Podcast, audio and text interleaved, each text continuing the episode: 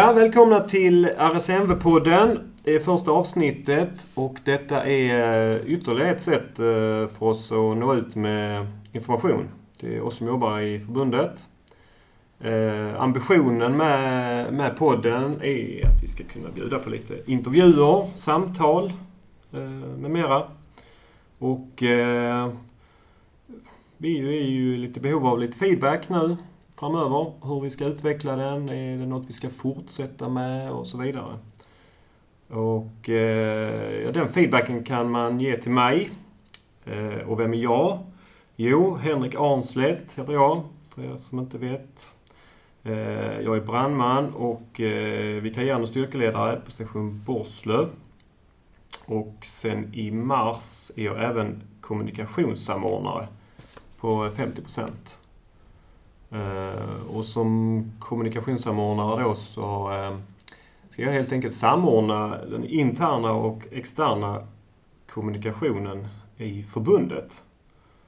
Eh, och där är jag också i behov av er hjälp ute på stationerna. Att tipsa om saker som händer som ni vill vi ska sprida. Antingen externt eller internt eller både och.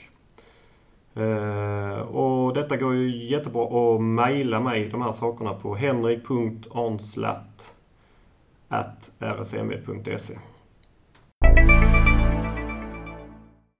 Ja, och med här i första avsnittet så har vi eh, Christer Enghov och eh, Jonas Nylén. Välkomna! Tack, tack så mycket! Tack, tack! Jonas, vi ska prata lite om Corona. Du kan väl mm säga lite vem du är för de som mm. inte känner dig? Eh, Jonas Nylén heter jag, är verksamhetsstrateg och eh, blivit utsedd till att vara stabschef för hela vår coronaplanering. Så att det är där läget är just nu. Mm. Hur, eh, ja, hur är läget just nu med Corona? Jag, jag skulle egentligen vilja ställa en fråga till dig Henrik. Att när du går på morgonen och ska gå till jobbet. Tänker du någon gång att nu ska jag gå till en samhällsviktig verksamhet? Har du tänkt på det? Nej, kanske inte så specifikt som ja. du För det, det blir lite tillspetsat nu när vi har en pandemi också. Mm. Där vi måste skydda vår verksamhet på ett väldigt bra sätt för att kunna vara uthålliga över tiden. Mm. Så jag tror det är viktigt att vi får in det mindsetet i verksamheten att vi är faktiskt en samhällsviktig verksamhet. Mm. Håller du med? Absolut, mm. absolut gör jag det. Mm. mm. Det är väl, kan man väl dra ytterligare eh, det här med att vårt skalskydd och ja, lite sådana grejer. Där ska det, vi väl det, tänka det, lite mer på det Precis. Också. Det är ju långt ifrån pandemin som, där vi ska tänka att vi är en samhällsviktig verksamhet. Och ett steg nu det är ju det här med återinförandet av civilt försvar. Vi, vi tajtar till nu till exempel vår larmcentral så att det blir bara väldigt få som kommer få ha tillträde in till trafikutrymmet. Och det är ju utifrån ett säkerhetsaspekt. Vi, vi måste bli bättre på att låsa stationer och se till att vi stänger efter oss. Men det är, även det här med informationssäkerhet och allt måste vi bli bättre i. Så mm. vi, mm. vi är inne i en väldigt stor krishanterings eller planeringsfas kan man säga. Mm. Ja. Hur, men hur är läget just nu då? Eh, när den här pandemin börjar komma mot Europa så tog vi fram den gamla pandemiplanen som vi gjorde för svininfluensan för ett antal år sedan. Och det var ju för Helsingborgs brandförsvar, så den fick vi då revidera upp så att vi skapa någon form av plattform att kunna utgå från om vi skulle få en stort personalbortfall. Och i den så finns det olika typer av scenarier. Om vi får lite bortfall, mycket bortfall. Alltså det blir olika åtgärder som måste vidtas. Allt från att vi kallar in eh, personal på övertid till att vi kanske till och med får stänga en station för att kunna försörja de andra. Mm, mm. Men eh, känner vi oss liksom bra förberedda nu på det här med om det blir ett personalbortfall? Ja, jag tycker vi, vi har kommit väldigt långt och gör vi, tittar vi på alla åtgärder som är vidtagna så är det ju en lång punktlista nästan på två A4-sidor. Så att vi har gjort väldigt mycket i förberedelsen. Problemet lite här, tror jag, det är ju att eh, vi har haft en väldigt långsam smittspridning i Skåne i förhållande till Stockholm och andra regioner runt Stockholm. Vilket gör att vi kanske tappar garden lite med den mentala beredskapen i och med det långsamma förloppet. Så det är ju egentligen det som jag ser som stora utmaningen på sikt, att vi håller garden uppe, att vi har mindsetet kvar att skydda oss. Och nu låter jag som Anders Tegnell, tänk på att stanna hemma om du är sjuk, tvätta händerna, håll avstånden. Alltså, Och följ de regler som vi har satt upp både internt och vad Folkhälsomyndigheten säger. Jag tror det är jätteviktigt. Mm. Ja, det kan man nog själv också... Eh, se, om man ser till sig själv, liksom det här mm. att fortsätta följa, ja. liksom, även om det börjar bli väldigt kännas utdraget ja. nu. Va? Men... Precis. Men vad jag tycker är lite intressant är ju det att eh, Tittar du på säsongsinfluensan och vinterkräksjukan så tar den slut sex veckor innan det normalt tar slut. Och det visar ju på att vi är rätt duktiga på att följa Folkhälsomyndighetens råd. Att tvätta oss, hålla distans, kanske i större omfattning ha videomöte istället för att träffas fysiskt. Mm. Så det är ju rätt intressant, den mm. aspekten. Mm, ja, verkligen. Ja. Något mer du vill säga om eh, vårt coronaarbete? Ja, om, om, vi ser så är det ju så att eh, vi, har ju, vi sitter med på Länsstyrelsens möte och eh, vi har det tre gånger i veckan där även Smittskydd Skåne är med. Och vi kan väl se en viss tendens till att det ökar lite i Skåne, det här med antalet insjuknade per dygn. Innan har det legat runt en 10-15 personer, nu är vi uppe på en 20-25 fall per dygn. Men nu är det också så att då har man gjort om statistiken så att innan var det ju bara statistik för de som hamnar i slutenvården. Nu tar man även provtagning på egen personal inom regionen och de hamnar i samma statistik. Men enligt smittskyddsläkaren i Skåne så är det ändå en trend att vi är på väg uppåt. Och där mm. har vi det ännu viktigare det här med garden, att vi tänker på den. Mm. Eh, nu när du pratar provtagning, man har ju kunnat läsa i, i tidningar om att man skulle börja prova eh, på vårdpersonal och mm. även annan samhällsviktig personal. Ja. Där vi var omnämnd ja. Ja. Är det något som ligger framför oss? Eh, det, det, kommer säkert på sikt. Eh, Region Skåne har nu börjat med att provta alla, sin personal. Eh, Folkhälsomyndigheten håller på att titta nu på att eh, eh, göra en större program för provtagning av samhällsviktig verksamhet. Nu är vi tillbaks till samhällsviktig verksamhet igen Henrik, eller hur? Mm, absolut. Så att, eh, jag tror att det kommer, man kommer ju prioritera kanske område där man hanterar riskgrupperna, framförallt äldre. Att provta dem först. Men jag tror att vi kommer att få möjlighet framöver också. Mm. Ja, Christer. Eh, medarbetarundersökningen, full igång. Verkar det bli bra svarsfrekvens där? Ja, och nu är det ju andra resan eh, på en eh, resa som kommer innebära fyra medarbetarundersökningar under det här året. Eh, det här är nummer, nummer två och det är 90, 93 procents eh, svarsfrekvens, så det är jättebra. Vi ser också en, en, trend i undersökningen, eller resultatet av undersökningen, att det, det ser bättre ut än förra undersökningen, vilket är jättepositivt. Det här är en ny modell vad gäller medarbetarundersökningar som då, för tidigare gjorde vi där varje år eller vartannat år till och med och det tog ganska lång tid innan man, innan man såg effekter av vissa av eh, de åtgärder som man vidtog. Så det här är en ny modell att få snabbare effekter helt enkelt av, av de åtgärder som ska vidtas eller behöver vidtas. Eh, undersökningen ser också, och det är också nytt, eh, vi tittar på hela människan, inte bara arbetslivet utan privatlivet för allting påverkar ju varandra. Och det här kommer också vara, resultatet kommer att vara ett underlag för medarbetarsamtalen. Eh, där man då kan diskutera det här och, och komma fram till gemensamt hur ska man förbättra eh, ja, situationen som man kanske sitter i. Mm, och där, där, kan jag ju bara flika in, jag tycker ju redan man kan, eh, alltså styrkan som sådan, jag har ju mycket nytta av den här eh, nya undersökningen också, att man kan mm. jobba med om man har ja. Eh, ja, frågor som man behöver Absolut. bolla med i, i ja. styrkorna så att säga. Så den är ju till gagn för många, ja. mer än bara arbetsgivare. Ja. Nej men det är, vi har väl, vi har väl insett att det, det är, som vi sa då, hela människor man ska titta på. För att eh, privatlivet påverkar ju jättemycket. Har man skit hemma så är det klart att det påverkar arbetslivet och, och, och tvärtom. Så man måste titta på hela människan. Och sen är det ju självklart eh, att det här är ju ingenting som man sprider vitt och brett utan det här är ju ett samtal mellan ja, berörda individer så att säga. Då. Och eh, syftet är att hela tiden förbättra då både arbetsvillkor, arbetsmiljö men också hur man, hur man mår på jobbet helt enkelt. Och kanske också ett, ett steg för att också må bättre hemma. Mm. Hela människan. Mm. Mm. Ja. Eh. Och från medarbetarundersökningen så ska vi snacka lite målbild 20, 2025. Mm. Och det är ju ett resultat av egentligen feedback som jag fått under hela min resa här. När jag kom hit eh, 2013 så målade jag upp en del bilder som eh, jag tyckte att vi skulle utvecklas utifrån. Eh, problemet var väl att det, de bilderna var väl inte helt förankrade i organisationen fullt ut utan det var väl väldigt mycket mina egna bilder. Planen nu är att försöka få en gemensam bild, en gemensam bild av hur RSVNV eller ja, hur, hur förbundet ska se ut då 2025. Eh, så att eh, jag har tagit till mig kritiken och eh, nu försöker vi köra en eh, dialog helt enkelt till att skapa en målbild som är förankrad politiskt men också framförallt förankrad internt i organisationen. Och då, även i den här frågan då, så har vi utsett en projektledare som är då Jonas en erfaren projektledare. Han, han råkar ju sitta i samma rum. Så får du berätta lite grann hur han jobbar nu med, med målbild 2025. Ja, första steget var ju att kartlägga lite grunddata. Vad är det som påverkar oss i framtiden? Hur ser riskbilden ut i Skåne och Väst? Hur är utvecklingen av riskbilden? Vilka trender finns? Eh, det kan vara klimat, det kan vara globalisering etc. Så det finns en mängd olika saker som påverkar vår verksamhet. Vi har även eh, Agenda 2030, de här 17 globala målen i hållbarhet som gäller alla länder i hela världen i princip, som vi måste också titta mot.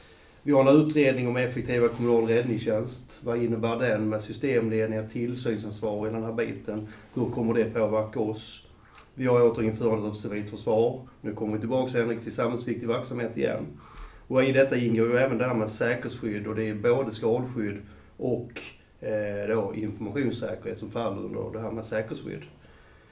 Så det är ju egentligen det första steget vi gjorde och eh, vi har gjort en workshop eh, med en eh, grupp med ledningsgruppen och lite fler som deltog i denna. Där vi körde en genomgång av de här fakta som vi, vi kommer påverkas av till 2025. Och vi kom fram till eh, 6-7 stycken olika områden som är viktiga att kanske fördjupa oss i. Och det här handlar ju egentligen om vad är det för nya förflyttningsmål vi måste göra? De här traditionella verksamhetsmålen, de måste vi också ha kvar. Men det kommer att ligga i en annan eh, process kan man säga. Till exempel att vi ska ha en tillsynsplan, att vi ska följa tillsynsplanen, vi ska ha en god ekonomi, för, eh, i balans. Det är ju sådana traditionella mål. De, de ligger utanför det här projektet. Utan hur måste vi förändra verksamheten för att kunna möta omvärlden till 2025? Det är det det handlar om. Vi har även kört en eh, workshop med direktionen på motsvarande sätt.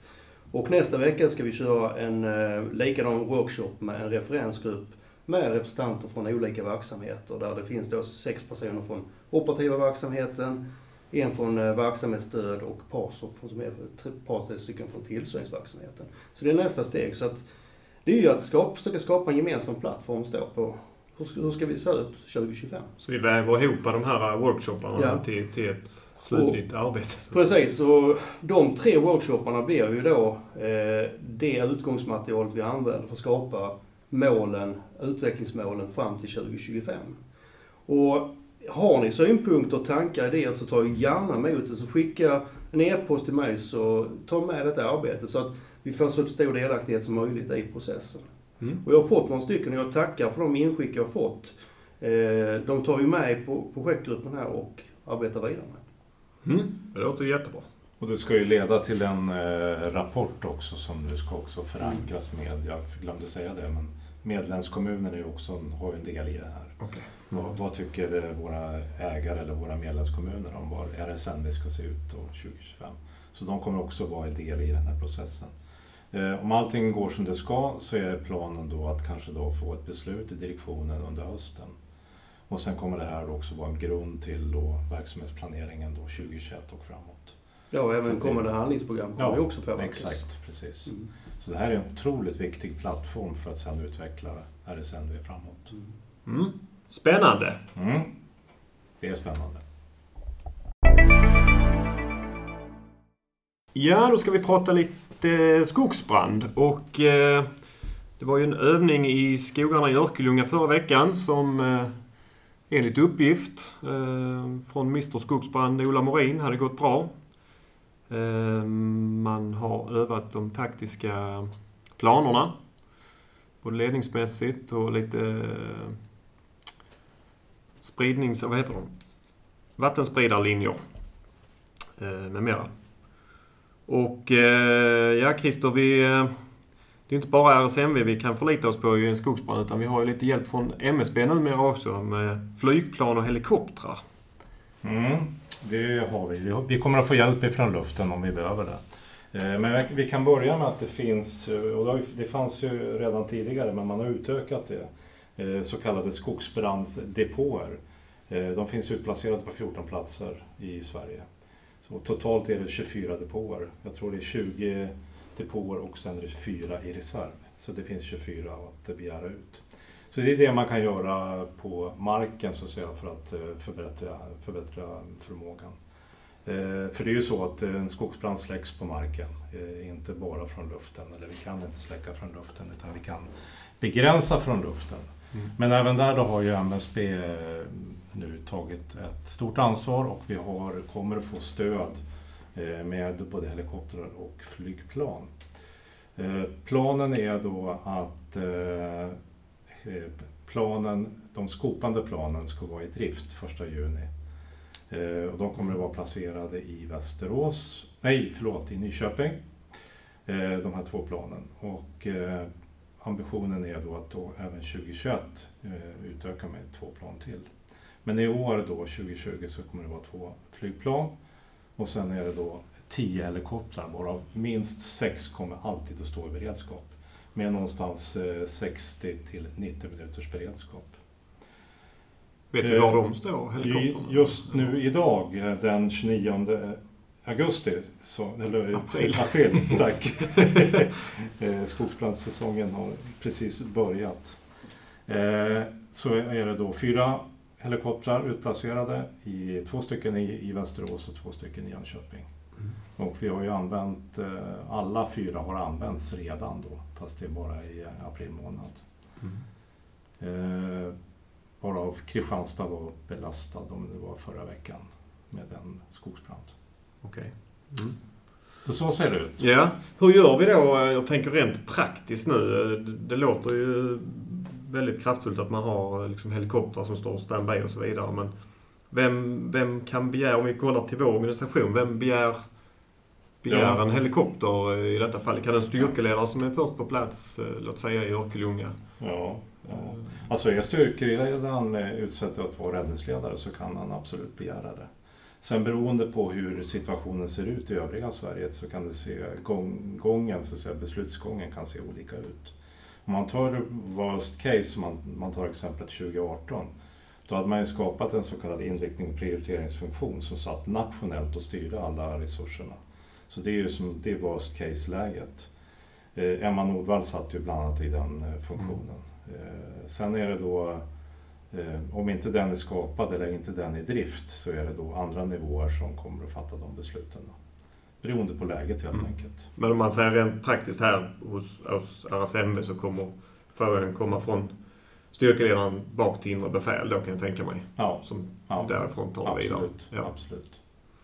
Det man kan fundera på lite här då eh, Eh, vem tar egentligen kostnaden för en, för en sån här helikopterinsats? För det är, det är inte gratis. Nej, och det var ju ett bekymmer då framförallt innan 2014 innan den här frågorna reddes ut ordentligt. Eh, idag är det staten som tar kostnaden för det här. Eh, både beredskapen och insatskostnaden så att säga. Okej, okay, så man behöver inte nej, man som räddningsledare dra sig för nej, att nej. kalla in en helikopter om man anser att det behövs? Ja, för det var ju bekymret då innan 2014 då innan man skapade de här funktionerna så var ju problemet var ju då att man inte vågade helt enkelt mm. på grund av kostnaderna. Mm. Så att det har man ju underlättat nu. Både flygplanen och helikoptrarna är ju ja, inte gratis men de betalas av staten. Mm. Så det är positivt. Ja, det låter våran del. Vem, eh, jag tänker, vem eh, koordinerar en sån här flyginsats? För de, de behöver ju någon sorts styrning också. En ja. helikopter eller, eller helikoptrar om det är flera stycken. Ja. Eh, en av helikoptrarna kommer bli utsedd då till att eh, vara koordinerande så att säga, på plats. Då. Okay. Sen är det ju samma sak där, att beroende på storleken på händelse så kan det också behövas eh, stöd från marken så att säga, mm. för att koordinera allt hela insatsen. Men är det flera helikoptrar inblandade så har man då också en koordinerande helikopter i luften. Så, så de har en egen organisation egen, kan man säga absolut, då om man begär det? Absolut. Mm. Ja, vi får väl bara hoppas att vi inte kommer behöva dem helt enkelt. Japp, I vårt det område. får vi hoppas. Men å andra sidan var det inte så mycket skog heller. Nej, det har vi inte. Nej. Men den skogen vi har ska vi vara rädda om. ska vi vara rädda om. Ja. Absolut. Ja, det var allt vi hade att bjuda på här i första avsnittet av RSMV-podden. Och som sagt, har ni eh, tips och idéer för att utveckla den så kommer de. Eh, tack så mycket Jonas och Tack så Christer. mycket. Vad Tack trevligt. själv. Ja. Tack, tack för kaffet. Mm. Ja, det, det var inte jag som bjöd på det. Eh, och till nästa gång vi hörs så eh, tänker vi på att tvätta händerna. I hur länge Jonas? Tvål och vatten, 30 sekunder. Ja. Minst. Man kan sjung, sjunga Blinka lilla stjärna kanske. Mm. Den- Men be mig inte att sjunga. Nej, nej precis. Det vill vi höra nästa gång i podden här. Sjung Vilken det- lilla stjärna. Det. Ja. Det är bra. Ha det gott. Hej! Tack, hej.